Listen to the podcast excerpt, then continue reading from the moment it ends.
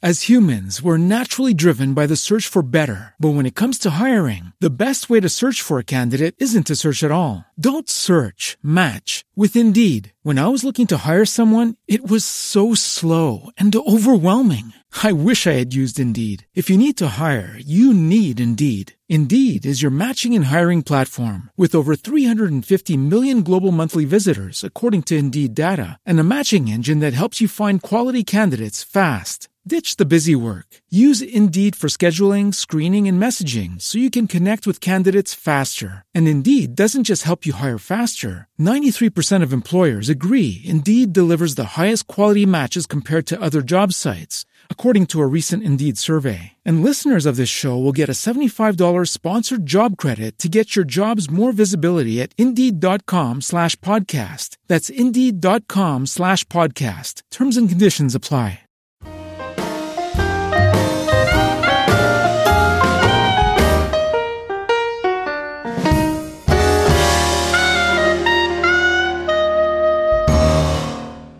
Witam Cię bardzo serdecznie w audycji Geekcast. To podcast o pracy freelancera, startupach i pasjach. Jeśli chcesz dowiedzieć się, jak zacząć pracować z domu, jak rozwinąć swoją firmę lub po prostu interesuje Cię świat, zapraszam do wysłuchania dzisiejszej audycji. Cześć, witam Cię bardzo serdecznie w kolejnym odcinku mojego podcastu. Po krótkiej przerwie, spowodowanej moim wyjazdem, Niestety pobyt na Filipinach wiele mnie nauczył, innymi tego, aby na przyszłość wybierać miejsca z lepszym internetem i częstszym dostępem do prądu. Pół żartem, pół serio. Dziś zapraszam Cię na wyjątkową, wydaje mi się, rozmowę z Jakubem Gajnamowiczem, człowiekiem orkiestrą.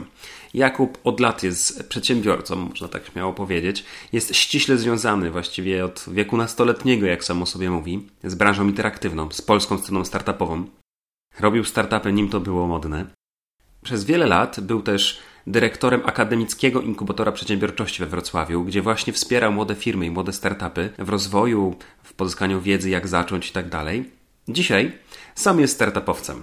Rozwija własną firmę, z tego co wiem kolejną, tym razem Landscape Lab, który tworzy mapy rynków, konkurencji i wykorzystują do tego własne algorytmy i własne nowe narzędzia. Oczywiście to narzędzie możesz wytestować, jest ono również w opisie do tego podcastu. Z Jakubem rozmawialiśmy właśnie o tym, jak radzą sobie młode firmy, jak radzą sobie startupowcy, jakie czasami błędy popełniają. Jestem przekonany, że ta rozmowa będzie również dla Ciebie bardzo pożyteczna. Serdecznie zapraszam do wysłuchania. Jeśli Ci się spodoba, możesz też ten podcast udostępnić lub skomentować. Cześć, witam Cię bardzo serdecznie w kolejnym odcinku mojego podcastu. Dzisiaj jest już ze mną mój gość, Jakub. Jakub, to kilka słów na początku. Opowiedz o sobie. Co robisz, kim jesteś, gdzie mieszkasz? Cześć Michał, dziękuję Ci bardzo za zaproszenie. Słuchaj, zanim przejdę do tego w ogóle, co robię, to muszę Ci tak trochę na początku Tobie się pochwalę i trochę Ci wjadę, tak wiesz, na ambicje, żeby dzisiejszy poziom dzisiejszej rozmowy był bardzo dobry. To w ogóle jest mój pierwszy podcast w życiu. I to jest w ogóle coś takiego fajnego, ponieważ do tego pewnie gdzieś tam dojdziemy. Ja przez długi, długi czas nie robiłem żadnego kontentu, ale w kwestii takich wywiadów, czy, czy jakichś materiałów gdzieś tam, które są udostępniane publicznie, to gdzieś tam mam na koncie występy w telewizji, na żywo i offline, i w radio, i w telewizji, i tak dalej, i tak dalej, a nigdy nie miałem okazji nagrać podcastu, y, więc tym bardziej ja jestem dzisiejszego dnia podekscytowany w ogóle tą rozmową, no i mam nadzieję, że fajnie wyjdzie. Kilka słów o mnie. Nazywam się Jakub, prowadzę biznes już od wielu, wielu tak naprawdę lat. Aktualnie rozwijamy taki startup technologiczny związany z researchem rynku, y, z mapowaniem rynku i konkurencji i, i robimy kawałek oprogramowania, które ma użytkownikom pomagać w analizie rynku. To jest to, co teraz robię. Tak naprawdę mam dosyć spory background związany z przedsiębiorczością i tak takie dwa etapy. Przedsiębiorczość, bo przez długi okres byłem dyrektorem inkubatora przedsiębiorczości w Wrocławiu i przez y, równie długi czas prowadziłem agencję interaktywną, gdzie zajmowaliśmy się jakby szerokim takim digitalem, od kampanii poprzez tworzenie serwisów www, mniejszych, większych, dla małych, dla dużych klientów, bardzo jakby szeroki, y, szerokie spektrum. To pozwól, że zadam Ci pytanie. To byłeś korposzczurem, pracowałeś na etacie, czy tej drogi nigdy nie sprawdziłeś? Nie, w ogóle. Czasami gdzieś to u siebie też na YouTubie poruszam w delikatny sposób, bo tematy edukacji i tematy yy, gdzieś tam takie w ogóle kariery są, są ciężkie w mojej ocenie w ogóle do doradzania innym. Wydaje mi się, że wiele osób próbuje wchodzić na to pole, ale to pole nie jest łatwe. Łatwo mówić, co robić w życiu, ale to jest tak naprawdę bardzo ciężkie uzależnione od tej drugiej osoby. Ale jestem, ja jestem takim dziwnym trochę przy, przykładem, bo jestem, jestem po totalnie prywatnej edukacji, jeśli chodzi o i liceum, i studia, i nie poszedłem w ogóle ścieżką jakby korporacyjną, tak? Mi na przykład bardzo dużo, jakby już na studiach zacząłem działać w inkubatorach przedsiębiorczości i, i de facto można powiedzieć, to jest takie, taka ciekawostka na tamte czasy, y, gdzieś tam lata 2000, 2000 parę, że, że to studia umożliwiły mi jakby pewną działalność na rynku, nazwijmy to, tak? I to wynikało, ta, na tamten moment tak naprawdę to, to była taka właśnie mocna przewaga studiów, można powiedzieć, prywatnych, ja studiowałem na Wyższej Szkole Bankowej we Wrocławiu i wiele osób jakby ma czasami negatywny stosunek do studiów prywatnych. Ja uważam, że jakby każde studia można wykorzystać, jeżeli ma się pomysł na nie, tak?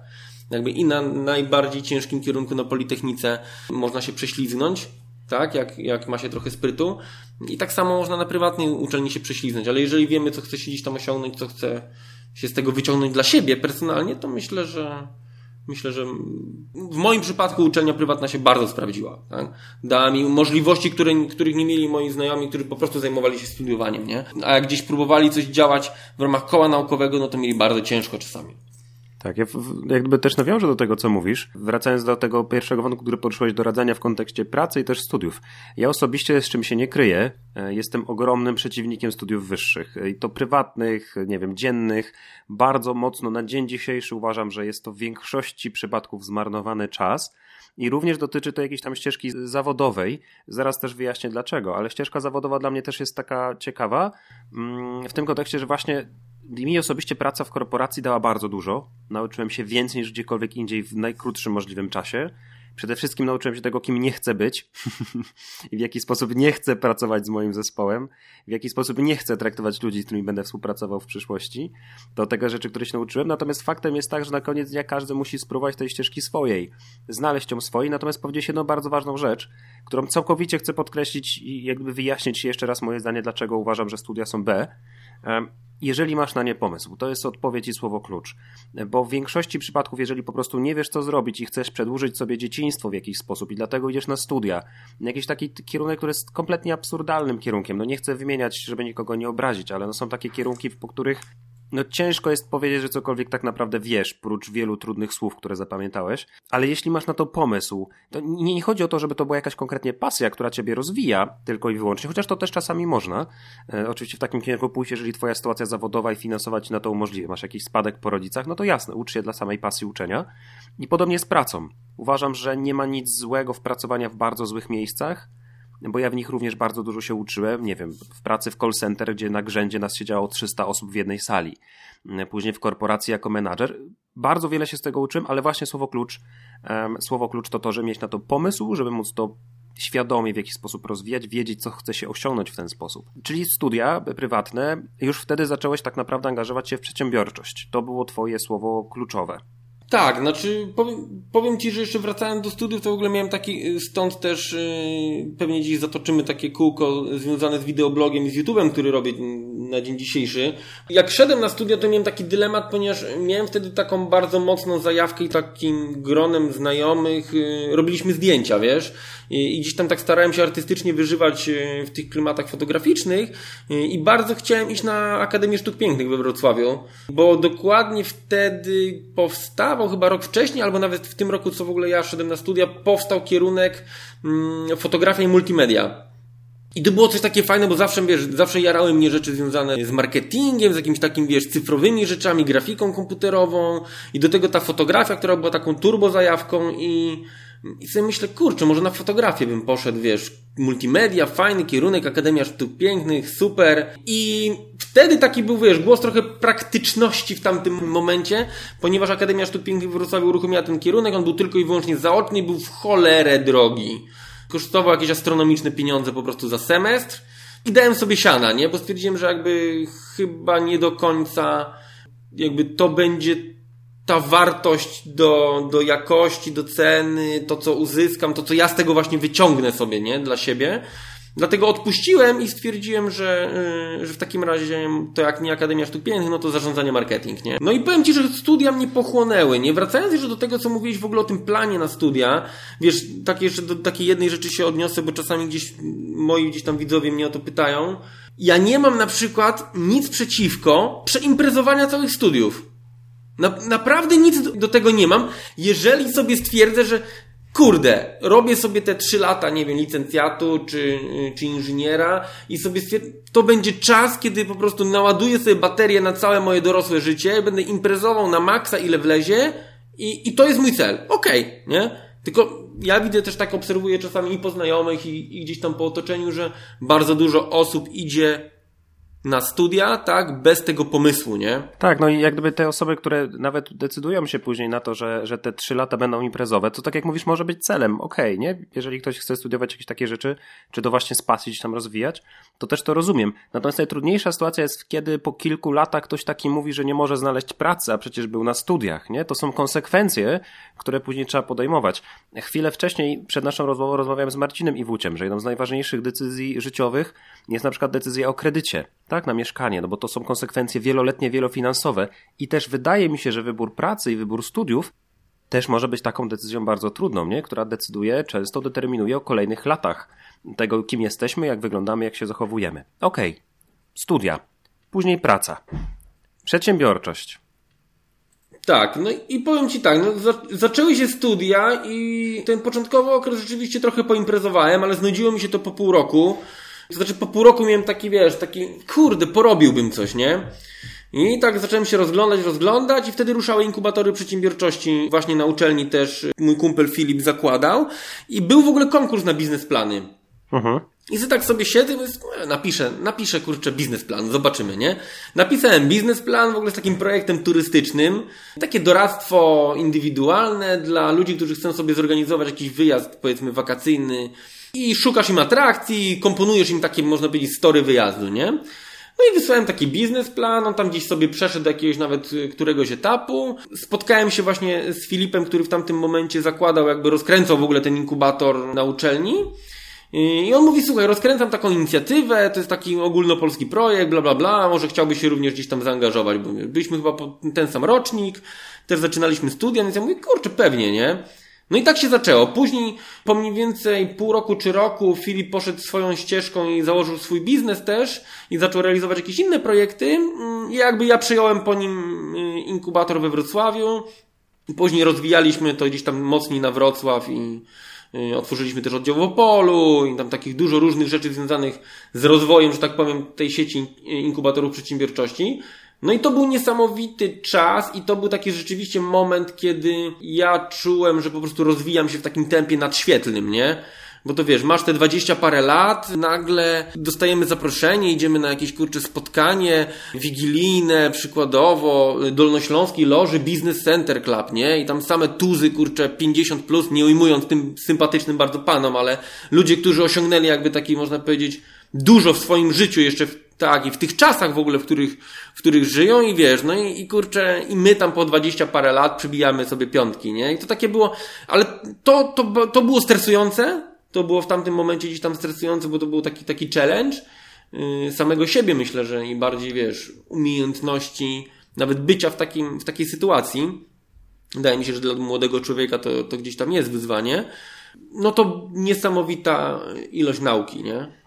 Zbieranie doświadczenia, nie? Takiego praktycznego, realnego doświadczenia w konkretnych sytuacjach. Ja jestem w ogóle mega fanem, wiesz, jakby praktyki takiej szeroko rozumianej we wszystkim, co się da, nie? Czasami mnie to nawet gubi, bo jestem takim też typem trochę takiego, można powiedzieć, dłupka. Czyli wiesz, wiele rzeczy potrafię sobie sam zrobić, nie? Jak trzeba sobie to sobie skonfiguruję serwer na Linuxie, nie, i postawię maszynę całą, no ale nie powinienem tego robić, bo powinienem, kurczę, dać to komuś, kto zrobi to, wiesz, godzinę szybciej, nie? Jakby ten typ, nie? Ja mam na to określenie. My Jakub jesteśmy złotymi rączkami internetu.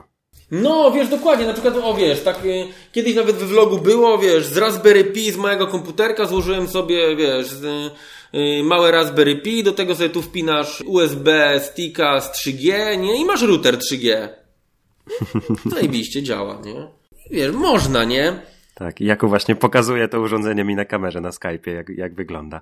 No to prawda, to, to jest równocześnie e, błogosławieństwo i przekleństwo, nie? Bo z jednej strony jesteś w stanie zrobić dużo więcej sam, z drugiej strony, tak jak mówisz, nie powinieneś, nie? Powinieneś wziąć się za to, na czym się znasz, wyspecjalizować się w jakiejś wąskiej rzeczy. E, to powoduje, że, że, że faktycznie można jakieś tam sukcesy osiągnąć w krótkiej mierze trochę szybciej. No właśnie, ale opowiadasz o tym już kilka razy. Takim jednym z największych dla mnie osobiście twoich wyróżników no jest przejście do prawie daily vlogów. prawie daily vlogów. Ostatnio, ostatnio był artykuł na Mam Startup gdzieś tam parę tygodni temu i, i aż mi do dzisiaj mi głupio, muszę wiesz, coś nagrać i muszę się do tego odnieść, bo było jeden z najbardziej płodnych twórców, nie? Mówię, kurde, nie było z trzy tygodnie odcinka. No Jakub, bez skromności. W naszej branży startupowej, biznesowej na YouTubie niewiele osób jest w stanie ci pod względem regularności i ilości wiedzy, którą przekazujesz, podskoczyć. No, wiesz, od tej wiedzy w ogóle chcę uciekać, nie? Ale to, to, to dziś pewnie jeszcze dojdziemy. Powiem ci tak, znaczy jak sobie tak zobaczysz też, co gdzieś właśnie ja tam sobie robiłem przez ostatnie lata, to tak naprawdę ostatnie gdzieś tam dwa lata, półtora, tak naprawdę jak zacząłem gdzieś tam w ogóle, doszedłem do takiego momentu, że stwierdziłem, dobra, odpalę, jakby zaraz do tego dojdziemy, jakby dokładnie, jakby genezę tego, ale odpalę YouTube'a i będę tworzył content wideo, nie? Y, to jak wcześniej sobie popatrzysz, znajdziesz w internecie parę artykułów gdzieś tam z czasów inkubatorów, które gdzieś tam jeszcze przeżyły w internecie i, i sobie gdzieś wiszą, tak? I nie znajdziesz nic. Wiesz, ja nikt, ja jakby zajmowałem się na co dzień y, robieniem swojego i, i prowadziłem agencję i kurczę, borykałem się z różnymi rzeczami i, i uczyłem się i, i rozwijałem i testowałem i, i obsługiwałem klientów i ponosiłem porażki, odnosiłem sukcesy. Jakby nie tworzyłem żadnego, żadnego kontentu tak naprawdę takiego, wiesz, nawet jak sobie na Facebooka popatrzę, to są jakieś tam, wiesz, takiego prywatnego, to gdzieś tam jest tam trochę rzeczy prywatnych i tyle. Nic związanego takiego z biznesem typu, wiesz, pasmo nieustających sukcesów, nie? Jakby tego nie było, nie? Nie było, nie było tego dzielenia się wiedzą, tego niczego e, z tym związanym z, jakimś, z produkowaniem kontentu. Ja w pewnym momencie stwierdziłem, że jakby miałem zawsze tego świadomość, e, że, że jak nie mówisz, co robisz, to nikt nie wie, co robisz. To trochę tak to działa, nie? Z domu, z drugiej strony zawsze to jest taka, wydaje mi się, yy, wydaje się, mi się, że gdzieś tam też trochę my Polacy mamy często to tak, że że boimy się, że nie jesteśmy wystarczająco dobrzy, tak? Że, że to, co chcemy powiedzieć, to nie jest wystarczająco takie, wiesz, mięso, kurcze, które powinno ujrzeć światło dzienne i ja mam cały czas to samo, wiesz, z vlogiem i, i w szczególności na początku, powiem Ci, jak zaczynałem, to ja sobie tak, siadłem i sobie powiedziałem tak, kurde, te, te, te odcin, ten każdy odcinek to musi być takie mięcho, to tam po prostu muszą być cyfry, algorytmy, wyliczenia, musi być wszystko, żeby wiesz, żeby po prostu jak ktoś to obejrzy, to żeby tam, wiesz, wyciągał garściami. I wiesz, po iluś odcinkach tak sami użytkownicy mi, znaczy tam użytkownicy mi powiedzieli to jedno, yy, pokazali mnie, też jakby trochę znam się na analityce marketingu, więc wiesz, widzę też to po wykresach, że czasami nie to inspiruje, nie to jakby jara drugiego człowieka, że on tam wyciągnie 100% wiedzy, nie? Że on tam wyciągnie przepis.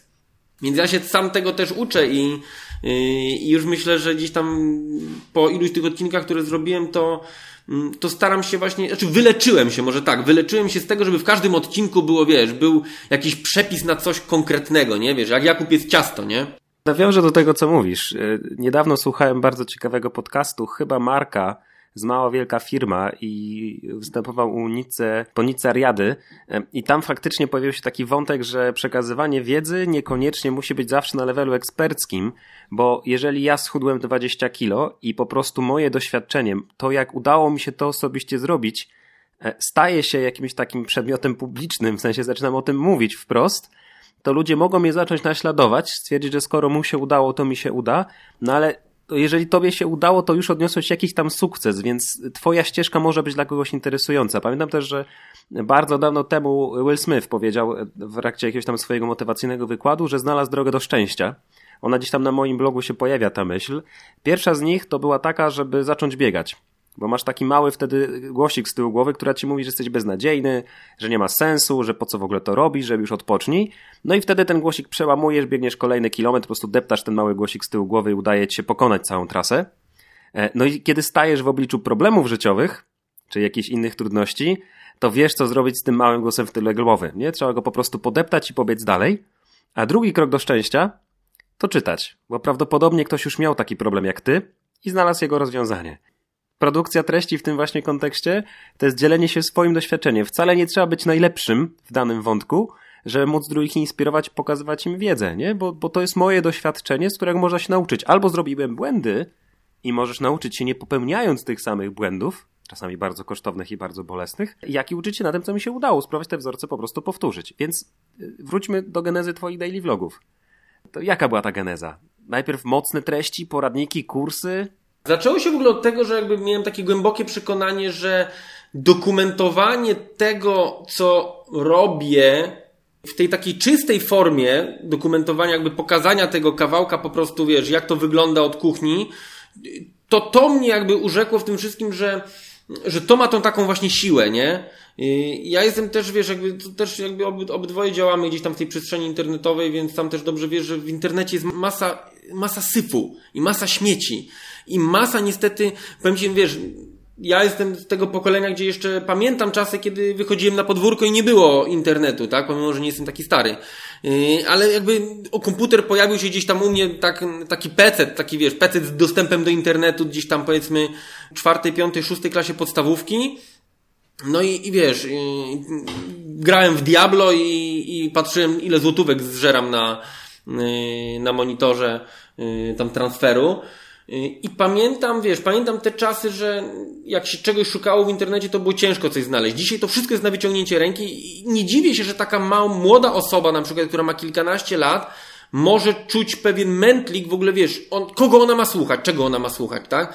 Więc wydaje mi się, że wiesz, cała rola w ogóle influencerów i tak dalej, która gdzieś tam w ogóle raczkuje i która, wiesz, wybuchła, można powiedzieć, w ostatnich latach, to wiesz, po stronie tych osób jest gigantyczna odpowiedzialność, bo oni kształtują jakby, wiesz, światopogląd młodych pokoleń, nie? I dlatego ja sobie stwierdziłem, że bardziej chciałbym pokazać kawałek rzeczywistości mojej, tak? I, I przy tym podzielić się jakby jakimiś doświadczeniami, które miałem bądź mam, tak? I jakby to, to było takie główne założenie, nie? Żeby to nie były przygotowane, skrojone, opracowane, napisany scenariusz, odcinki, y, gdzie ja dokładnie jest, wiesz, zastanawiam się, jakie słowa przekazać, żeby one były jakby, no, wydaje mi się, że dzisiaj, jak ja bym mógł sobie obejrzeć, czy przeczytać pamiętnik, czy posłuchać formy audio codziennego pamiętnika, codziennego jakiegoś takiego journala, y, nie wiem, kurczę, Henry'ego Forda, czy Steve'a Jobsa, czy kogokolwiek innego, kto rozkręcał, nie wiem, największą sieć warzywniaków w Polsce, to wyobrażam sobie, że każdy z nas, kto robi coś, yy, z własnym rozwojem, z czymkolwiek, znalazłby tam coś inspirującego dla siebie na 100%. I jakby, jakby to mi tak gdzieś tam po głowie chodziło od, od dawnego czasu, ponieważ yy, ja sobie stwierdziłem tak. Umiem pisać, ale nie, nie jest to jakby, mam świadomość, że to nie jest moja forma, nie sprawia mi to przyjemności, tak? Audio jest spoko, i do audio jeszcze wrócimy, może, może gdzieś tam później. Uważam, że w ogóle podcasty i, i format e, audio to jest, to jest killer i podcasty miały swój czas ileś lat temu taki dosyć bardzo mocny, mm, że trochę osób gdzieś tam się powybijało, ale wydaje mi się, że era podcastów dopiero nadchodzi. I sobie stwierdziłem tak, kurde, prowadzę agencję interaktywną, od x lat wciskam, w pozytywnym tego słowa znaczeniu, wciskam klientom wideo i mówię, kurde, róbcie wideo, róbcie wideo, bo wideo fajnie performuje, bo wideo jest świetne, bo wideo to, tamto. I kurwa, sam nie robię tego wideo, nie? I sobie stwierdziłem, kurczę, dobra, jakby mam ten background fotograficzny, więc y, to jest dla mnie bardzo łatwe, to było dla mnie od początku bardzo łatwe w tym, że całe technikalia, całe kwestia obróbki i, i, to, to, jest, to jest dla mnie pstryknięcie palcami, tak? Jestem w stanie sobie sam to obsłużyć, zrobić i, i okej. Okay. No więc tylko wziąć kamerę i nagrywać, nie? A jak twoja rodzina, krewni, najbliżsi reagują na to? Bo pamiętam, kiedy ja zaczynałem blogować, pisać pierwsze, pierwsze teksty, no to był stres z tym związany, że gdzieś tam będę w ten sposób oceniony, że gdzieś coś powiem, co jest gdzieś tam nie do końca pasujące. E, takie, tak raczej jestem też bardzo ostrożny w wyrażaniu jakichkolwiek swoich gdzieś tam głębokich, osobistych opinii na różne, e, różne tematy. No a w pracy, kiedy jeszcze pracowałem na etacie, no to ludzie mówili takie zdania typu, no to teraz tam praca, praca szafiarki dla Michała i tak dalej, w ogóle kto to widział pisać blogi, to tam dzieci piszą. Na daily vlogi to już w ogóle jest bardzo personalne, no bo tu już nie ukryjesz wielu rzeczy, nie? W tekście mogłeś mieć zły humor, e, a na wideo to natychmiast widać. E, jak na to reagują twoi najbliżsi, twoje otoczenie? Znaczy, powiem ci tak, że yy, ja generalnie, jak, jakby tak wiesz, yy, na jakimś timeline'ie, kurczę, w Microsoft Project, czy w jakimś innym mądrym programie, by tak umieścić, wiesz, różne rzeczy, które ja robię, to myślę, że moich najbliższych nie zdziwiło to, że robię coś innego, coś, wiesz, coś, o kurczę, jakby ja robię tyle rzeczy, że nawet czasami, wiesz, sam się dziwię, że w ciągu pół roku tyle rzeczy się wydarzyło, tak? Y, ale oczywiście to jest taki ten standard, y, w szczególności gdzieś tam znajomych takich y, z tego powiedzmy drugiego kręgu znajomych, nie? Czyli wiesz, których spotykasz powiedzmy na korytarzu pięć razy dziennie, ale nie są twoimi bliskimi znajomymi przyjaciółmi. To jest na zasadzie, o, bloger, nie? O, idzie bloger, albo o, idzie vloger, mhm. albo o, idzie kurczę ktoś tam, albo to, powiem ci, wiesz, ja się z tym mierzyłem i mierzę i jakby dotykało mnie to od y, gdzieś tam najmłodszych lat, więc chyba, chyba nie zwracam na to już uwagi. Oczywiście gdzieś tam najbliżsi zawsze, y, zawsze są bardzo, bardzo mnie wspierają w tym, co robię i, i myślę, że to jest ważne.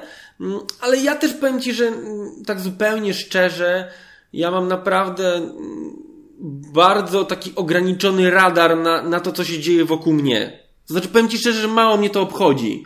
I, i jakbyś tak wiesz, ja się na przykład, ja mało śledzę na przykład scenę w ogóle taką, wiesz, polską. Gdzieś tam znam nazwiska, coś tam czasem sobie podejrzę, tak, co się dzieje, nie wiem, wczoraj sobie odpaliłem Krzysztofa Gonciarza i zobaczyłem jak tam pobiegł, y, odpaliłem sobie jego jeden odcinek jak pobiegł maraton i, i super, no świetnie, tak, to jest coś mega inspirującego, że można sobie zobaczyć. Y, gdzieś tam sobie podejrzę czasem jakieś inne rzeczy, ale w ogóle polskiego kontentu to naprawdę konsumuję bardzo mało. Bardzo mało, nie? Rozumiem. A po, pomówmy w takim razie jako po takich rzeczach e, bardziej technicznych, no bo mm, no, ma to mieć zawsze jakiś sens. Ja rozumiem też Twoją w pewnym sensie misyjność w kontekście tworzenia tych materiałów jako bardziej dokument, który gdzieś tam będziesz mógł za kilka lat wrócić. Wspomniany przez Ciebie Krzysztof Gonciarz często też właśnie w ten sposób mówi, że dla niego blogi czy vlogi są takim medium, do którego on chciałby sobie na stare lata usiąść i powiedzieć, o patrz wnuczku, nie, tu biegłem maraton, to, to było fajne, pokazać to bardziej w kontekście dokumentacji, no ale nie ukrywajmy, jesteś marketingowcem, jesteś przedsiębiorcą, ja też, ma to jakiś konkretny wymiar biznesowy? Czuję, że to wraca w formie klienta? No oczywiście, no ja ci powiem jakby od, od początku, yy takim celem, wracając do tej agencji interaktywnej, którą prowadziłem, to przez, to było dziś dobre 10 lat ją prowadziłem tak naprawdę. Jest gdzieś nawet na, tym, na ten temat odcinek na, na YouTubie. Ja ją odpaliłem dlatego, że to dziś było zawsze moje bliskie mojemu sercu, ale też dlatego, żeby nie żałować pewnej rzeczy, którą zawsze chciałem zrobić.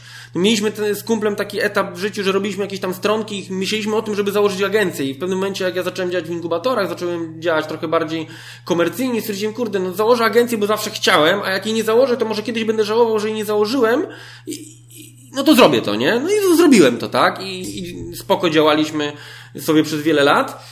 I, I, w pewnym momencie ja wiedziałem, że agencja i polski rynek agencji jest ciężki i, i ona mnie zaprowadzi do pewnego miejsca. Ja wiedziałem, że w pewnym momencie będę robił jakiś projekt, który będzie w cudzysłowie, tym projektem, tak? Ale takim projektem, który rzeczywiście będzie jakimś pewnym wyzwaniem i zawsze miałem takie przeczucie i takie poczucie wewnętrzne wewnątrz sobie, że, że agencja jest tym wehikułem, który zaprowadzi mnie z punktu A do punktu B. I tak rzeczywiście było, bo ja dzięki agencji się nauczyłem, wiesz, wszystkiego związanego z marketingiem, mogłem testować kampanię na na gigantycznych budżetach i na małych budżetach i, i, i, miałem możliwość pracy na froncie i miałem tą możliwość styku z technologią, z rozwiązaniami i, i dużo sam się nauczyłem i dlatego jak zaczęliśmy y, odpalać startup y, Landscape Lab i już gdzieś zaczynałem y, przygodę z, z vlogiem, to dla mnie to było naturalne, że po prostu chcę, chcę być, kurczę, nie wiem, pierwszym Polakiem, który udokumentuje powstanie startupu od dnia pierwszego, tak? I, jakby po prostu. I, I powiem Ci, jeżeli pytasz o te y, wymierne efekty biznesowe, jak najbardziej. I, I powiem Ci, że najśmieszniej tak się ostatnio zastanawiałem y, nad tym, bo też, też gdzieś mam w planie jakiś taki trochę materiał na ten temat zrobić, bo te tematy zawsze są nośne, w szczególności na YouTubie, nie? Ile zarabiam na YouTubie? I oczywiście do dnia dzisiejszego na YouTubie zarobiłem ze 150 zł w AdSensie, y, więc kurczę, czat po prostu totalny, ale to, na jakie rzeczy przełożył mi się YouTube na mojej mikroskali, pamiętajmy. No, no, wiesz, ludzie patrzą w szczególności młodzi na to, że musisz mieć, wiesz, tam kurczę, gigantyczne zasięgi, yy, i gigantyczną oglądalność, żeby zarabiać na tym pieniądze. I, I jeżeli rozumiemy w tym takim prostolinijnym nurcie, czyli AdSense, reklamy od sponsorów i tak dalej, no to to jasne, to, to musisz mieć rzeczywiście trochę zasięgu, żeby zarobić na tym pieniądze. To, to, to jest jasne. Ale w moim przypadku poprzekładało się to na tak niesamowite kontakty i na bezpośrednie zlecenia, no że podejrzewam, że kurczę, samego YouTube'a nie radzę sobie, yy, nie radzę sobie gorzej yy, niż tam kurczę ten wiesz, powiedzmy top kilkadziesiąt w Polsce, nie? Czy tam powiedzmy pierwsza setka. Warto pamiętać też o tym, że zarówno w blogach, jak i w vlogach ma to też taki wymiar, że raz opublikowana treść wróci. Nie? W sensie to, to nie jest tak, że publikujemy raz, zapominamy o temacie, to skonwertowało w 60 zł na sensie, tylko to są treści, do których ludzie wracają. Zresztą ty jesteś jedną z osób, które bardzo często jest wyróżniona w środowisku startupowym, do którego teraz przejdziemy, jako właśnie taka no, wschodząca gwiazda, nie? jako osobę, którą warto obserwować właśnie dlatego, że publikuje, że się dzielisz, bo przecież ludzi, którzy zrobili startupy w Polsce i zrobili na nich wiele milionów, mamy pewnie setki, pewnie to są tysiące, może nawet osób. Oczywiście co nie? Ja mam całą masę kolegów milionerów. Ten, takich na papierze, nie? E, nie, i niekoniecznie ktoś z nich e, wprost pokazywał swoją ścieżkę i niekoniecznie jest z tego po prostu znany, że jest faktycznie e, dochodowym gościem. Dobrym przykładem jest też Elon Musk, nie? Który wprost po prostu łazi i mówi wszystkim, co robi, co będzie robił. On po prostu non-stop wszędzie o tym opowiada, w wywiadach, w treściach, w wielu miejscach po prostu wciąż, wciąż, wciąż mówi, co on będzie robił. A przecież ludzi, którzy zrobili większe pieniądze, jest pewnie więcej, nie? No oczywiście. Przejdźmy do tej sceny startupowej. Przejdźmy do tych tematów typowo startupowych. Mhm. Kim tak dla ciebie, od strony technicznej, od strony zrozumienia, czy też definicji, jest startupowiec? Czy jesteś startupowcem? Dla mnie startupowiec to, to jest jakby pewien sposób życia, ale pewien też taki mindset i taki w ogóle, wiesz, taki pogląd trochę na świat, taka filozofia, nie? Ale nie chcę, żeby to zabrzmiało tak kurczę dziwnie, bo uważam, że też to słowo startupowiec jest dosyć mocno czasami nadużywane, w szczególności, że mamy, wiesz, gigantyczny trend na startupy, więc y, tak jak kiedyś było innowacja, nie? Parę lat temu pamiętam i wiesz, na każdym billboardzie miałeś innowacyjny papier toaletowy, no bo jest tam coś nowego, nie? I to już było takie po prostu do zmęczenia, więc wydaje mi się, że to się teraz dzieje y, ze startupami, ale uważam, że to i tak jest jeszcze dopiero początek, w szczególności w Polsce jeszcze będziemy, wiesz, tak jak, tak jak mamy subkultury i, i całe nurty związane, wiesz, z takimi ruchami społecznymi, kulturowymi i to tak samo jest ze startupowcami, nie? Jest, już jest widać jakby globalnie taki cały ruch startupowców, tak? Że wiesz, no kiedyś, kurczę, startupowiec to był kto? To był koleś, który siedział w koszuli zamknięty w garażu i pisał program, tak? I coś robił. I, i to nie było sexy, tak? Można powiedzieć. A dzisiaj startupowiec to jest, kurde, no, bierze miliony od VC, realizuje gigantyczne projekty zmieniające świat, kreuje swoją rzeczywistość, wspomniany Elon Musk, tak, sobie może nazwać, kurczę, firmę The Boring Company, tak, i, i, i ma wszystkich w dupie w tym momencie, jakby, wiesz, jakby, to jest, to dla, dla mnie to jest układanie świata po swojemu trochę. No zmieniło się postrzeganie, niewątpliwie zmieniło się postrzeganie też osób, e, startupowców, tak. I dla mnie to jest fajne, bo to wyzwala taką, taką czystą energię, która jest niezbędna do tego, żeby powstała jakaś kreacja. I tu jakby mieszając, ja zawsze gdzieś tam mam ten taki w swoim DNA kawałek taki artystyczny i dla mnie, powiem Ci zupełnie szczerze, praca to jest sztuka. Ale sztuka w tym rozumieniu takim art, nie? Takim, takim rzeczywiście twórczym. Bo jeżeli chcesz dobrze pracować, efektywnie pracować, robić fajne rzeczy, stworzyć coś fajnego wokół siebie, fajną kulturę, fajny startup, fajny produkt, fajną usługę, cokolwiek, to niezbędna jest przestrzeń do tego, żeby to się przejawiło i żeby to powstało. I to jest ten element twórczy. To się nie, jak jesteś zatyrany, że tak powiem, wiesz, przy komputerze i, i naparzasz kod dzień w dzień po 12 godzin dziennie, to nie przejawi się taka, wiesz, twórczość w tym rozumieniu takim fajnym, nie? To bardzo często odtwarzamy różne rzeczy, kopiując aplikacje, wiesz, które widzieliśmy gdzieś i tak dalej. Nie? Czasami potrzebujemy trochę takiej twórczej przestrzeni do tego, żeby stworzyć coś unikalnego, nie? I wydaje mi się, że i powiem Ci to, z czego ja pod względem startupowym u siebie jestem najbardziej dumny, to, że mamy takie poczucie całym zespołem, to co robimy jest nieważne. Tak? Produkt jest nieważny. Y, najważniejsze jest to, że udało nam się stworzyć taki nasz mikroekosystem, który działa. I to jest dla mnie, wiesz, to jest dla mnie sukces ostatniego, wiesz, półtora roku tak naprawdę. To prawda. No teoretycznie startupowiec to osoba, która robi jakąś totalną innowację, chociaż w tym momencie, czyli coś, czego faktycznie nigdy nie było i nie ma. Natomiast dzisiaj to zrozumienie bardziej porusza się w kierunku po prostu młodych przedsiębiorstw, które mają jakiś nowy model rozliczeniowy, czy nową, nowy koncept, czy spróbują stare definicje przerobić w nowy sposób, ale to niekoniecznie właśnie muszą być też te takie, to co mówisz, ten mindset, to też taka świadomość, bo no nie chcę tutaj nikogo urazić, ale na przykład osobiście gdzieś tam bywałem w jakichś takich różnych stowarzyszeniach typu tam nie BNI, czy jakieś tego typu, e, nie wiem, stowarzyszenia e, przedsiębiorców i tak dalej, i tak dalej, i tak dalej.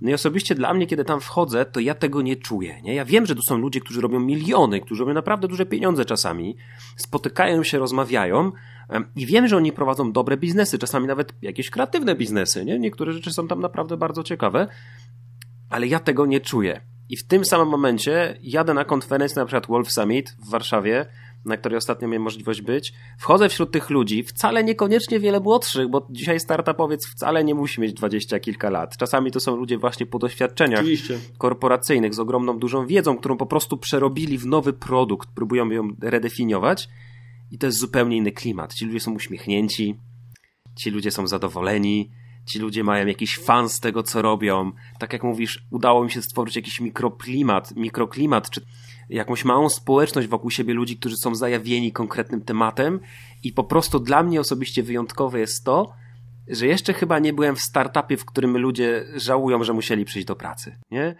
W sensie jara ich to, mają z tego fan, chcą to robić, a z drugiej strony, po stronie modelu biznesowego, samego w sobie, to myślę, że ciekawa jest to książka Startup za 100 dolarów, czy niskobudżetowy startup w języku polskim, gdzie jest taka mowa, że to niekoniecznie e, musi być wielomilionowy biznes. Bo jeżeli pracujesz jako freelancer, jako startupowiec i zarabiasz, oni tam zakładają stworzenie firmy, która generuje 60-80 tysięcy dolarów rocznie, która po prostu w Twoim nowym modelu rozliczeniowym powodują, że możesz się utrzymywać, godnie żyć, to to jest świetny pomysł na to, aby taki, taką firmę w nowym modelu wystartować. Nie? Więc to wcale nie musi być właśnie wielomilionowe fundusze, ale tak jak wspomniałeś, to dla mnie osobiście też się całkowicie z tym zgadzam.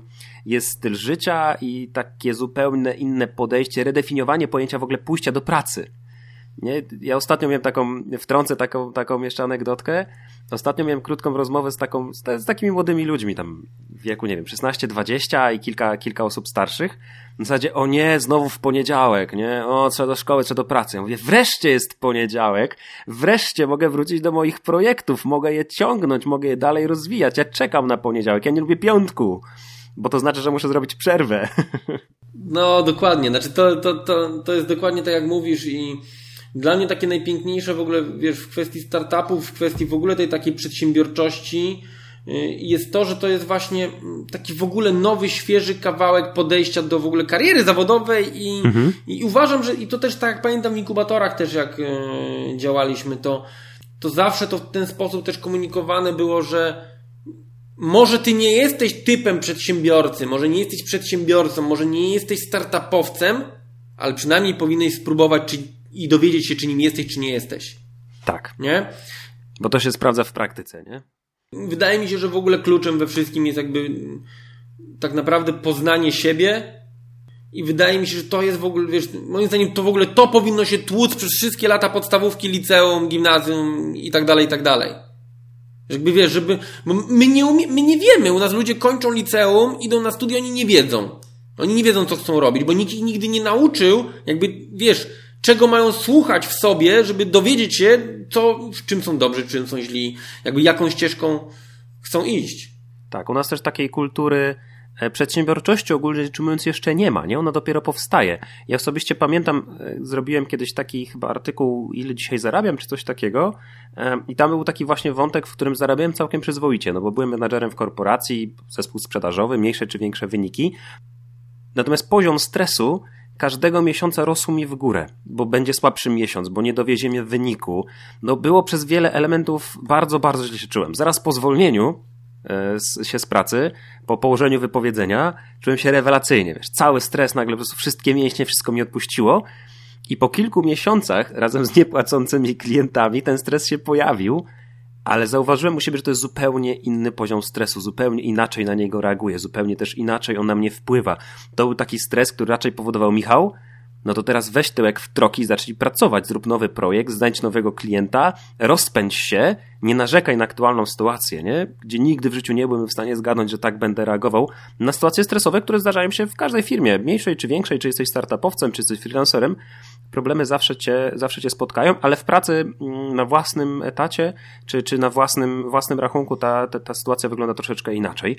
No właśnie, wspomniałeś o, o tym, że nie mamy takiej często edukacji przedsiębiorczej, brakuje nam takiego poczucia przedsiębiorczości, wiedzy, że w ogóle można, nie? że to nie, model pójścia na etat, no mowa o pracy nie jest jedynym modelem rozliczeniowym, ale załóżmy, że ktoś na tą ścieżkę wchodzi zaczyna pracować na własnej działalności, założył firmę, spółkę, nieistotne.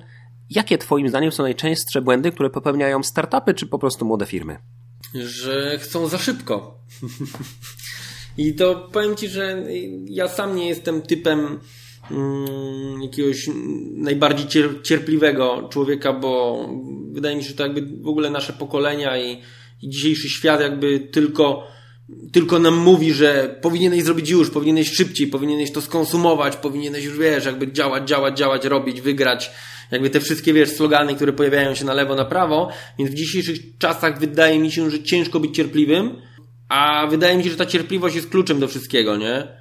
No bo wiesz, ja na przykład na swojej drodze działając w inkubatorach, działając w przedsiębiorczości, działając w środowisku startupowym, non-stop tylko ktoś do mnie pukał i mówił, Kuba, słuchaj, tam rusza projekt taki, jest kurczę, wiesz, 850 tysięcy do wyjęcia, weź startuj, tutaj rusza fundusz y, taki, będą dawać pieniądze, weź kurczę, może jakiś projekt zrobisz, nie?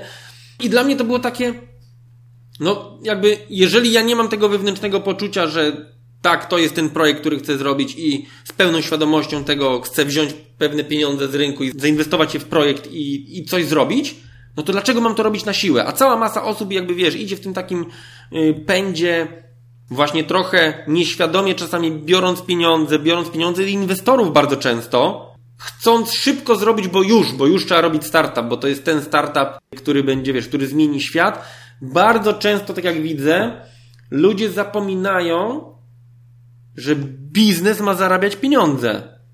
I, I, na przykład naszą taką strategią przy naszych działaniach, tych, tych teraz, które robimy, były dwie nogi, jakby takie, my sobie jasno zaprojektowaliśmy, jak chcemy to zrobić.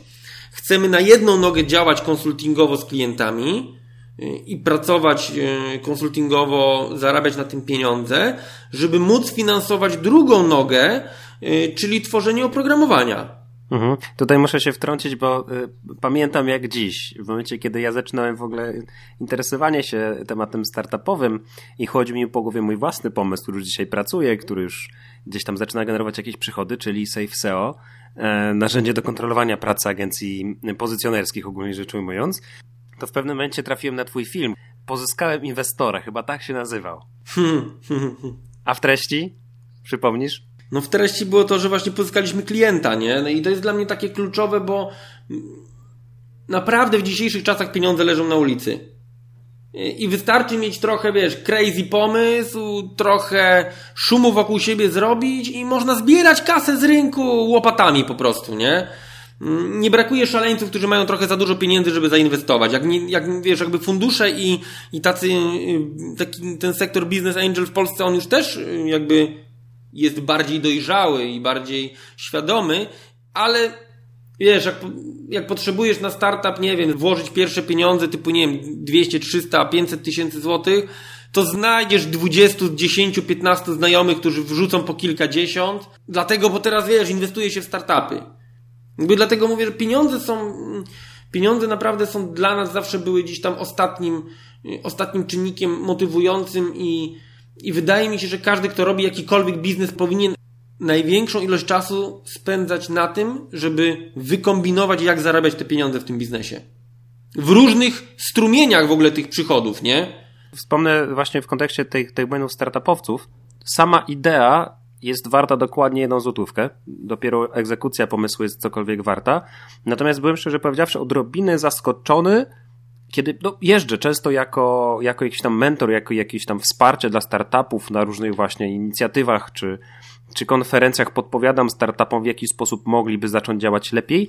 Jedną z właśnie dla mnie bardziej szokujących rzeczy jest to, że większość z firm, które pozyskuje czasami nawet wielomilionowe środki, nie ma żadnego modelu biznesowego. To znaczy, mam wrażenie, że te firmy nie zakładają, że kiedykolwiek będą zarabiały pieniądze. No bo, bo wiesz, Michał, bo wiesz, co u nas się przyjęło, u nas się przyjęło w startupowym świadku? Mhm. Że ty pozyskujesz finansowanie, żeby zobaczyć, jaki jest model biznesowy. Tak.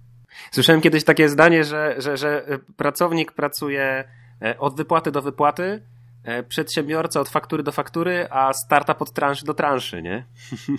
No, dokładnie. Ja rozumiem, jeżeli to są, czasami są, wiesz, projekty i jest takich kilka, wiesz, też przecież polskich fajnych projektów, y, dużych, które rzeczywiście wymagają bardzo gigantycznego wsparcia. Nie jestem aż tak zagłębiony, ale tak to, co mi przychodzi do głowy, nawet Pol krakowski ten przykład Base CRM, tak? Wiesz, CRM i w ogóle rynek CRM jest straszliwie ciężki. I, I na przykład próbując zrobić software na takim rynku, nie wyobrażam sobie jakby działania na takim rynku bez wsparcia zewnętrznego w formie inwestora, tak? Bez wsparcia ze strony jakby partnerów, bo bo tak naprawdę zbudowanie takiego biznesu i skali na rynku globalnym to są miliony dolarów, które są potrzebne na to, żeby, żeby zbudować swoją obecność. I tego nie da się czasami, jakby ja to rozumiem, że dlatego zawsze staram się jakby trzymać tego, że ważny jest kontekst danego przypadku. Jakby, jakby nigdy nie staram doradzać na zasadzie, no, powinieneś założyć startup i, i powinieneś działać konsultingowo i powinieneś robić software, bo my tak robimy. Jakby właśnie to mi, to zawsze mi chodzi też, jeśli chodzi o, o moje odcinki na YouTubie i w ogóle jakiś content, że ja tak robię, tak? Ja tak zrobiłem i u mnie to zadziałało. Jakby możesz to podpatrzeć i się sam zastanowić, no i każdy musi mieć trochę swojego, że tak powiem, mózgu i pomyśleć, ok, to może u niego to zadziała, czy zadziałałoby to u mnie, a może w innym wariancie, a może tak, a może inaczej, nie? Bo to, co zadziałało u mnie jest cała masa czynników i zmiennych. To, że prowadziłem przez 10 lat agencję interaktywną, to, że nauczyłem się i mam w miarę naturalnie umiejętności takie sprzedaży i umiem dogadać się z klientem, wypracować relacje, umiem poukładać pewne rzeczy i, i jeżeli są jakieś pożary, to umiem je załagodzić. To spowodowało, że w miarę na tym polu dobrze sobie radzę i to spowodowało, że jeżeli założyliśmy startup, to byłem w stanie działać konsultingowo od dnia pierwszego, a nie musiałem się stresować i przeczytać 10 książek, jak zaprezentować ofertę klientowi. Więc jakby to był mój przypadek i mój kawałek, ale w przypadku kogoś innego to może być zupełnie co innego, nie? Jeżeli miałbym umiejętności wideo mm, o wiele wyższe, lepsze i tak dalej, to może bym, kurczę, robił filmiki na zlecenie przez, wiesz, przez 5 godzin dziennie, a resztę rozwijał startup, nie? Ostatnio sporo w Warszawie siedziałem, jako jest, wiesz, jestem fanem startupów, to oczywiście korzystam sobie z Ubera, no i śmigam sobie tym Uberem i kurczę, na bardzo miłego chłopaczka trafiłem którymś kursem, który yy, ma swój biznes, jakiś taki zwykły, stacjonarny, offline'owy biznesik i dodatkowo jeździ sobie na Uberze. Yy, I jeden miesiąc zrobił sobie test i postanowił tam przetestować, jak mu na tym Uberze pójdzie, jeżdżąc 8 godzin dziennie, normalnie jakby na etacie, tak? Yy, no i zarobił tam około 6 tysięcy na rękę, nie?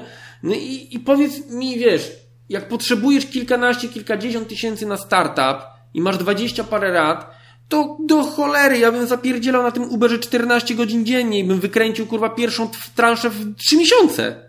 Tak, i właśnie tutaj do tego, do tego chcę wspomnieć, o czym mówisz. Czyli tak krótko podsumowując, pierwszy błąd to zazwyczaj zupełny brak modelu finansowego. Drugi błąd to zbyt łapczywe branie pieniędzy z rynku, ale trzeci błąd to właśnie może to jest to branie tych pieniędzy z rynku, bo po co ci te pieniądze z rynku, skoro to zawsze będzie w jakiejś tam formie kaganiec, tym bardziej, że w wielu przypadkach znajdziemy takie porady w internecie pod tytułem weź kredyt no niekoniecznie to jest najlepsza ścieżka. Finansowanie się w jakikolwiek sposób w Twoim przypadku może nie być najlepszym pomysłem, bo możesz się pośliznąć. Może właśnie model, w którym Twoim pierwszym inwestorem, tak jak w Twoim filmie, jest Twój własny klient, który zaczyna Ci płacić za Twoje niedoskonałe jeszcze usługi, ale one po prostu zaczynają się kształtować, oraz to, że po prostu masz jakieś oszczędności. Czyli w momencie, kiedy pracujesz na etacie, udało Ci się wygenerować najpierw fundusz awaryjny, fundusz bezpieczeństwa, masz już jakieś zaplecze, wtedy budujesz dodatkowe środki z myślą, ok, inwestujemy w własną działalność dodatkową. To, do czego ja staram się bardzo często zachęcać freelancerów, to właśnie do tego, e, żeby nie rzucali się na głęboką wodę. Ja też, przygotowując się do pracy freelancera, poświęciłem na to, mogę powiedzieć, no nie wiem, ostatnie 15 lat życia. Ja zacząłem pracować przez internet mając 12 lat, pisząc teksty zapleczowe. Dopiero później zacząłem tworzyć strony internetowe, ale w międzyczasie się uczyłem. W międzyczasie byłem w liceum, byłem w gimnazjum, później byłem w pierwszej pracy e, i wtedy, przez ten cały czas zaczynałem pracować dodatkowo budując swoją bazę klientów, ale przede wszystkim się ucząc. I dopiero w tym momencie, mając oszczędzone środki, będąc przygotowany do założenia własnego biznesu, otworzyłem własną firmę. To wydawać się mogła taka zdrowo, zdroworozsądkowe podejście do tego i patrzenie z perspektywy nie kwartału, że może się uda, bo mam jednego klienta, tylko właśnie z perspektywy kilkuletniej, co będzie się działo z Twoim projektem, Twoim startupem, również w kontekście finansowania, bo to nie działa w ten sposób, że weźmiesz z rynku 2 miliony i ktoś ci to przebaczy. No, no nie, te pieniądze prędzej czy później w jakiejś formie czy to udziałów, czy to zwrotu tej pożyczki, no trzeba oddać, nie? Na koniec dnia. W jakikolwiek sposób byśmy tego nie określili, gdzieś tam na końcu te pieniądze trzeba oddać. Nikt nie rozdaje pieniędzy od tak, bo lubi. E, tak, tak się nie dzieje. Ale chciałbym, Jakub, żebyśmy jeszcze w kilku zdaniach pogadali w kontekście naszej polskiej sceny bycia przedsiębiorcą, bycia startupowcem czy freelancerem, w kontekście sceny międzynarodowej. Wiem, że masz w tym też trochę doświadczenia. Z Twojej perspektywy, Polska to przeciętny rynek, to początkujący rynek, to świetny rynek. I jak sądzisz, jak ta edukacja, jak ta w ogóle nasz rynek tutaj wygląda na skali międzynarodowej? Znaczy ja ci powiem tak. Ja mam takie głębokie przekonanie, że rynek jest rynkiem i rynek zawsze się wyreguluje i zawsze ustawi się odpowiednio do wiatru, to jest jedno taki prawdziwy przedsiębiorca, taki wiesz, który czuje, że jest przedsiębiorcą, że rzeczywiście to jest jego kawałek ducha i kości i po prostu krwi i wszystkiego, to on sobie poradzi, poradzi bez względu na rynek. Dlatego nie lubię narzekania na, wiesz, na polski rząd i na politykę. Tak, że kurczę, w Polsce są ciężkie warunki, to kurczę, wyjedź do Anglii. Założenie spółki w Anglii to jest jeden dzień. Dwa dni, tak? Czy tam, kurczę, chwila, moment, tak? Przez internet możesz założyć spółkę w Stanach. To prawda. Jakby jeżeli marudzisz na warunki, które są tutaj, korzystaj z narzędzi, które są dostępne. No tak, nie szukaj problemu, szukaj rozwiązania. Dokładnie. Nie, nie żyjemy w czasach, kiedy rzeczywiście ciężkie było, wiesz, załatwienie czegokolwiek poza granicami naszego kraju, tak? Mamy jakby ten przywilej, że naprawdę możemy robić wszystko wszędzie, gdzie nam się żywnie podoba. Dlatego nie lubię właśnie tego jakby takiego, wiesz, puentowania polskiej rzeczywistości, że ona jest, że ona jest ciężka, że ona jest zła, tak? Mhm. Co jakby nie zmienia faktu, że uważam, że jest ciężka i czasami potrafi rzucić kłody pod nogi młodym ludziom, którzy coś robią. Mhm. No, ja się tutaj częściowo z Tobą zgodzę, bo faktycznie pod kątem na przykład zawiłości prawnych, zawiłości księgowych, e, no to ten rynek zdecydowanie jest pewnie jednym z trudniejszych. Może nie same wysokości opłat podatkowych, bo to wcale nie jesteśmy gdzieś tam jakiejś bardzo górnej czy dolnej granicy. Jesteśmy gdzieś tam przeciętniakami pod względem tego, ile musimy oddać państwu w podatkach. Ale uważam, że równocześnie żyjemy w kraju, w którym nie jest trudnym zacząć zarabiać większe pieniądze, bo rynek jest cały czas głodny różnych biznesów, ale z drugiej strony koszty życia w Polsce są bardzo niewielkie. Relatywnie oczywiście porównując z jakimkolwiek innym, innym krajem, takim europejskim, a przecież czemu by nie zacząć z Polski świadczyć swoje usługi na cały świat, nie? W sensie nic nie stoi ci takiej przeszkodzie, żeby to skalować. Więc z mojej perspektywy, chociaż faktycznie od tej strony prawnej może, czysto księgowej, rynek polski nie należy najłatwiejszych, to po tej całej drugiej stronie możliwości, które nasz rynek stwarza, myślę, że mamy uprzywilejowaną sytuację, jeżeli chodzi o scenę międzynarodową.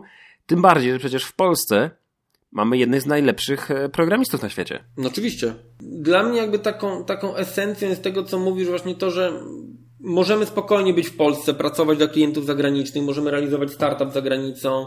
Jakby naprawdę te granice w ogóle rzeczywistości się zatarły. Powiem Ci, że dla mnie takie kluczowe w ogóle w moim takim postępie, takim osobistym mógłbym powiedzieć, jest w ogóle takie wyjście poza taki, taki schemat myślenia, Mm, i układanie różnych rzeczy po swojemu.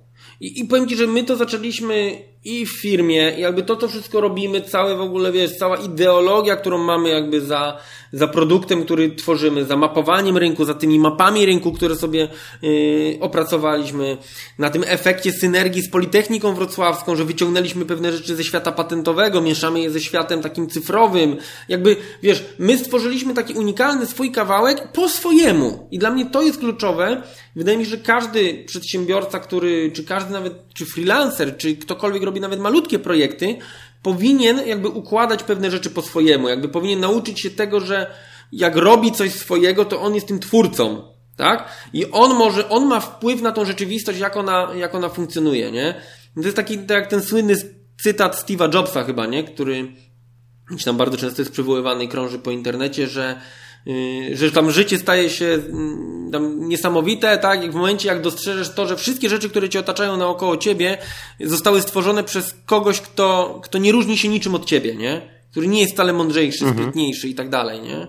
I jakby to jest dla mnie takie kluczowe, że jeżeli rzeczywiście y, czasami warto zastanowić się i wymyśleć po prostu pewne rzeczy po swojemu. I jeżeli powiem Ci, jeżeli ja sobie, nie wiem, z zespołem wymyślimy sobie za, za miesiąc czasu, że kurczę, założymy w, spółkę w Peru y, i będziemy, nie wiem, mieć programistów w Gwatemali, y, a będziemy nasz produkt sprzedawać do Chin i, i to będzie nasz pomysł, to czemu nie? Jakby wiesz, jestem przeciwnikiem patrzenia co zrobił Michał Barczak, że mu się udało? Jakby przeanalizujmy krok po kroku, zreplikujmy, sprawdźmy dokładnie, zróbmy to samo, sukces. Wiesz, nie ma przepisu na sukces. Wspomniany, wspomniany Krzysztof Gądziarz na początku, nie? Krok pierwszy, po prostu zacznij to robić. To w większości przypadków to jest jedyny, jedyny aspekt potrzebny do sukcesu. Wiesz, powiem ci Michał, powiem ci Michał, że naprawdę ja bym bardzo, bardzo chciał, żeby był przepis na sukces. Mhm. Wiesz, bo jakbym go miał, to bym go sprzedawał na licencji. I bym był najbogatszym człowiekiem na świecie, nie? No, ale tylko właśnie o to chodzi, że nie ma, nie? Pewnie, każdy tą ścieżkę musi przejść sam. A wiele osób goni króliczka. wiele osób próbuje złapać coś, czego nie ma tak naprawdę. Zapominając, tak skoro o tym wspomniałeś, że największa przyjemność to właśnie z tego, żeby go gonić, wcale nie żeby go złapać. Dla wielu przypadków to to jest ta największa frajda. Dokładnie. Jakub, to jeszcze, jeżeli możesz w kilku zdaniach powiedzieć coś więcej o tej właśnie waszej wewnętrznej kulturze. Co macie takiego wyjątkowego w obrębie swojego zespołu? Czym się tak wyróżniacie od pracy takiej klasycznej? Jesteśmy taką, wiesz, taką energetyczną rodziną. E, nie, powiem Ci zupełnie szczerze, wiesz, dla nas było takie mm, kluczowe w dwie osoby, jakby jak planowaliśmy, jak to wszystko dalej popchnąć, to było gdzieś tam z pół roku temu. Tak naprawdę wszystko są świeże sprawy to dla nas kluczowe było stworzenie takiego ekosystemu, takiego wiesz, y, takich nici wzajemnego zaufania, takiego korowego zespołu. Mamy teraz taki korowy zespół czterech, pięciu osób, który rzeczywiście jest taki, taki totalnie zaufany. Taki, że wiesz, tak na początku mówiłem, ja się wywodzę ze świata agencyjnego i, i z agencji i z usług marketingowych, więc jakby za całe życie byłem przyzwyczajony do tego, że muszę puszować że wiesz, kurczę, że są, są accounci, są programiści, są graficy i trzeba, kurczę, cisnąć, ciśniemy, nie? Wiesz, kultura ASAP-u. Yy, tak dobrze pewnie wielu znana. Yy, oczywiście, jakby mówię to, mówię to z uśmiechem i lekko żartobliwie, ale no tak to wygląda w tego typu usługach i, i w, takim, w takiej pracy, to jakby tutaj, robiąc startup, robiąc coś zupełnie nowego od podstaw, moim głównym takim celem było, że jakby musimy zrobić to inaczej to jakby to musi, to musi samo się, że tak powiem, stworzyć organicznie. I że, że wszystkim tym kilku osobom na starcie, które razem z nami zaczynają, im wszystkim musi się chcieć. One wszystkie muszą chcieć zrealizować ten kawałek wizji, który, który jest nam wszystkim wspólny i, i bliski. I to jest dla mnie taki największy sukces, że każdy z nas, z naszej ekipy jest emocjonalnie zaangażowany w to, co robimy. I przeżywa, wiesz, przeżywa moment, kiedy nam nie idzie i przeżywa moment, kiedy nam idzie. I, i wspólnie jakby mamy świadomość tego, że wiesz, że jeżeli będziemy się rozrastać, będziemy się skalować, będziemy chcieli gdzieś tam rozwijać się globalnie, no to nie, niezbędny, niezbędny będzie jakby rozwój osobowy, tak? Mówię tutaj w kwestii kadrowej, nazwijmy to, tak? Że będą potrzebne kolejne kompetencje, kolejni ludzie i, i to się będzie rozwijać, ale bardzo mi zależało od samego początku, żeby ten taki ścisły, początkowy zespół, żeby to, wiesz, żeby to był taki naprawdę zgrany team, jak w drużynie piłkarskiej, nie? No i ten model, ten model w pewnym sensie turkusowy, o którym mówisz, turkusowych organizacji, bo to gdzieś tam tutaj się przewija taki wątek dosyć podobny, jest to tyle ciekawe, że w pewnym momencie nie musisz puszować, nie musisz popychać pracownika ani weryfikować, czy on przyjdzie na 8.00, bo może on przyjdzie o 8.30, nie tłumacząc ci się, ale masz pełną świadomość, że on siedzi później dużo więcej w ten projekt wsadza swojej siły i energii. Może czas przestaje się dokładnie zgadzać od 8 do 16, on pracuje od 8.30 do 19, na drugiej robi sobie wolne, ale wiesz na koniec dnia, że projekt jest dowieziony, że rzeczy, które powinny być zrobione w terminach, bo wychodzą dla klienta na przykład, są zrobione. E, ale wspomniałeś o tym, że to jest taka kultura trochę rodzinna, taka faktycznie zespołowo, bardzo mocno zżyci, wspólne spędzanie czasu nie tylko i wyłącznie w pracy, ale muszę też o to spytać, bo to jest jeden z większych problemów, którym, z którym ja się kiedyś zetknąłem. Czy w swojej pracy nie masz czasem tak, że jesteś zawsze w pracy? Bo ja kiedy pracowałem jeszcze w domu, bezpośrednio u siebie w domu, bezpośrednio w mieszkaniu, to zauważyłem, że otwierając oczy gdzieś 5.36, siadając do komputera, tak naprawdę odchodząc od komputera o 20 i siadając z żoną, nie wiem, na kanapie oglądając film, to jeśli wpadał mail, to i tak jeszcze na niego odpisywałem. Nie masz trochę tak, że zawsze jesteś w pracy? Powiem ci tak, w szczególności, że gdzieś tam córeczka nam się urodziła dwa lata temu i jakby staram się nad tym mocniej gdzieś tam pracować, chociaż to jest ciężkie. Wydaje mi się, że problematyczne jest określanie, czy jesteś w pracy, jeżeli praca jest kawałkiem ciebie. Jakby, mam nadzieję, że rozumiesz, o co mi chodzi. Jakby praca to tak jak na początku mówiłeś tym, wiesz, tym poniedziałkiem i, i z uśmiechem idę, idę realizować kolejne rzeczy, to jakby wiesz, praca jest tym, kim ja jestem, tak? To jakby to, co my robimy, to, co ja robię na co dzień, to, że kurczę, wiesz, nagrywam sobie wideobloga, to, to, jest, to jest kawałek mnie. To, to nie jest, że ja to muszę robić, nie? Jakby, więc wiadomo, że jeżeli to jest część mnie, mnie, to ona się przewija 24 godziny na dobę, tak? Ale wydaje mi się, że też bardzo kluczowe, ja się też tego uczę, tak? Jakby, jakby wyznaczanie pewnych granic, i po prostu określanie, że teraz jest czas y, dla rodziny, teraz jest czas, kiedy idziemy ze znajomymi, tak? Y, wbrew pozorom, że można powiedzieć, że wiesz, nagrywam odcinki, jak jestem gdzieś tam w ciągu nagrywania, to pomimo, że nawet jak teraz nie było przez spory czas y, odcinku, to ja zawsze mam kamerę ze sobą i nagrywam w ogóle materiał taki nawet, wiesz, taki behind the scene dla siebie różne rzeczy. Czy nawet czasami rodzinne, czy nawet czasami firmowe, takie wiesz, jako dokumentowanie, które nam zostanie na pamiątkę, gdzie jest, wiesz, po prostu tylko i wyłącznie dla nas.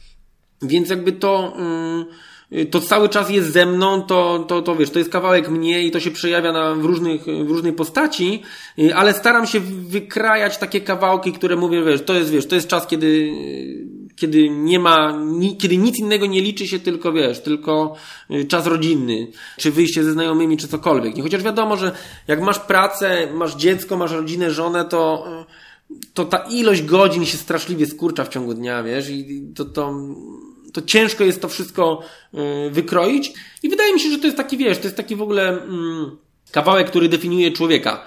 To jest taka nieustanna walka pomiędzy jednym i drugim, nie? No i, i oczywiście, czasami się daje ciała, bo siedzi się po godzinach, a czasami się udaje, nie? ta umiejętność wycinania właśnie czasu na poszczególne rzeczy, czy to, nie wiem, cele duchowe, cele rodzinne, cele finansowe i biznesowe, to umiejętność wycinania czasu jest jedną z najtrudniejszych rzeczy, których też trzeba się nauczyć i bardzo często nie ma na to wzorca. Tak, tak z drugiej strony, ja jakby przez jakiś czas bardzo mocno liczyłem godziny swojej pracy, E, pod kilkoma kątami. Po pierwsze, żeby sprawdzić jej wartość, w sensie ile zarabiam na godzinę pracując na własnej działalności, ale też po drugie, żeby sprawdzić, czy na pewno ja nigdy nie chciałbym, żeby praca była najważniejsza w moim życiu. Nigdy nie chciałbym doprowadzić do takiej sytuacji. Ja bardzo lubię to, co robię, to strasznie mnie kręci, ale nie chciałbym być zapamiętany jako osoba, jako biznesmen. Nie? To nie są moje cele zawodowe, to nie są cele moje życiowe, odgórne na samym końcu. Natomiast no, praca na freelancie, czy praca jako startupowiec, czas życia prywatnego i zawodowego bardzo mocno miesza. Na przykład jedną z osiągnięć, które mi się udało zrobić od kilku właściwie miesięcy, jest to, że w trakcie dnia pracy, ja mniej więcej zaczynam pracę około 5.30, koło 6.00 wstaję, najpóźniej o 7.00 jestem w biurze, zazwyczaj koło 8.30 już zaczynam jakieś tam krótkie spotkania z zespołem, deleguję zadania, no i formalnie jak gdyby powinienem być koło 14.15 kończyć. Ale przerabiając trochę swój rytm dnia, okazuje się, nagle o 11 ja mogę wyjść na godzinę na siłownię pójść na siłownię, zupełnie inaczej się czuć, wygospodarować ten czas i owszem, ja nadal pracuję do 16. Dla kogoś z zewnątrz wygląda to trochę absurdalnie. No przyszedłeś o 6, wychodzisz o 18, tak? Pracujesz wiele więcej godzin. Ale ten czas jest bardzo płynny i kiedy zrobiłem sobie takie podsumowanie, to finalnie wyszło mi, że faktycznie poświęconego czasu na pracę jest mniej niż kiedy pracowałem na etacie. E, pracowałem 156 godzin dokładnie pod rząd 3 miesiące pod rząd. 156-160 godzin mniej więcej, czyli mniej niż w pełnym etacie, chociaż faktycznie jak gdyby w tym czasie y, no nie była to 8-16, nie był to taki bardzo uregulowany czas pracy i myślę, że tutaj też bardzo chciałbym ze swojej strony zachęcić ludzi, którzy pracują na freelancie, aby też spróbowali takiego, takiego podejścia, policzenia tego i sprawdzenia priorytetów. Jeżeli twoim priorytetem jest założenie najlepszego możliwego biznesu i wielomilionowe dochody, to jest spoko, nie? To to powinno być twoje najważniejsze miejsce, w którym poświęcasz maksymalnie dużo czasu. Ale jeśli tak nie jest, jeśli nie chcesz zapomnieć o tych wartościach rodzinnych, czy o jakichkolwiek innych celach, no to warto po prostu liczyć swój czas. Nie tak jak mówisz, również w kontekście jej wyceny, ale też tego, czy odpowiednią liczbę czasu spędzamy z rodziną. Fajnie. Jakub, myślę, że bardzo wartościowa rozmowa. Dużo, sporo takiej konkretnej wiedzy na temat startupów, tego jak zaczynać przekazaliśmy. Powiedz jeszcze, gdzie można Cię dokładnie znaleźć. Na YouTubie najlepiej i na Facebooku, Instagramie, tak naprawdę wszędzie, ale jeżeli ktoś chce jakiś taki personalny kontakt, to zawsze zachęcam do Facebooka, bo Facebook jest myślę, że dobry do ogarniania takiej bezpośredniej komunikacji. Zawsze bardzo ubolewam, że YouTube jest taki ciężki w formie komunikacji między innymi użytkownikami, bo jednak komentarze i cały ten, to, to, to, to, to inna bajka. Więc na YouTubie można oglądać, na Facebooku można rozmawiać. Myślę, że taki najprostszy Najprostszy drogowskaz. Bardzo Ci dziękuję w takim razie za tę rozmowę. Wszystkie artykuły i wszystkie miejsca, o których e, opowiadał Jakub, podlinkujemy w opisie do tego podcastu. Tymczasem cóż, bardzo dziękuję Ci drogi słuchaczu, drogi czytelniku, że, że byłeś tutaj teraz ze mną podczas tej rozmowy. Jeżeli ta rozmowa Ci się spodobała i uważasz, że jest warta tego, to bardzo Cię proszę, spróbuj ten podcast udostępnić dalej. Jeżeli masz jakieś pytania, to zarówno ja, jak i Jakub będziemy też w komentarzach pod tym artykułem, więc serdecznie Cię zapraszam do postawienia komentarza. A jeżeli jest to również e, w Twoim zakresie działań, to proszę oceń ten podcast w iTunesie, podaj go dalej, dzięki temu trafią do jeszcze szerszego grona odbiorców. Dzięki, cześć, na razie, pa!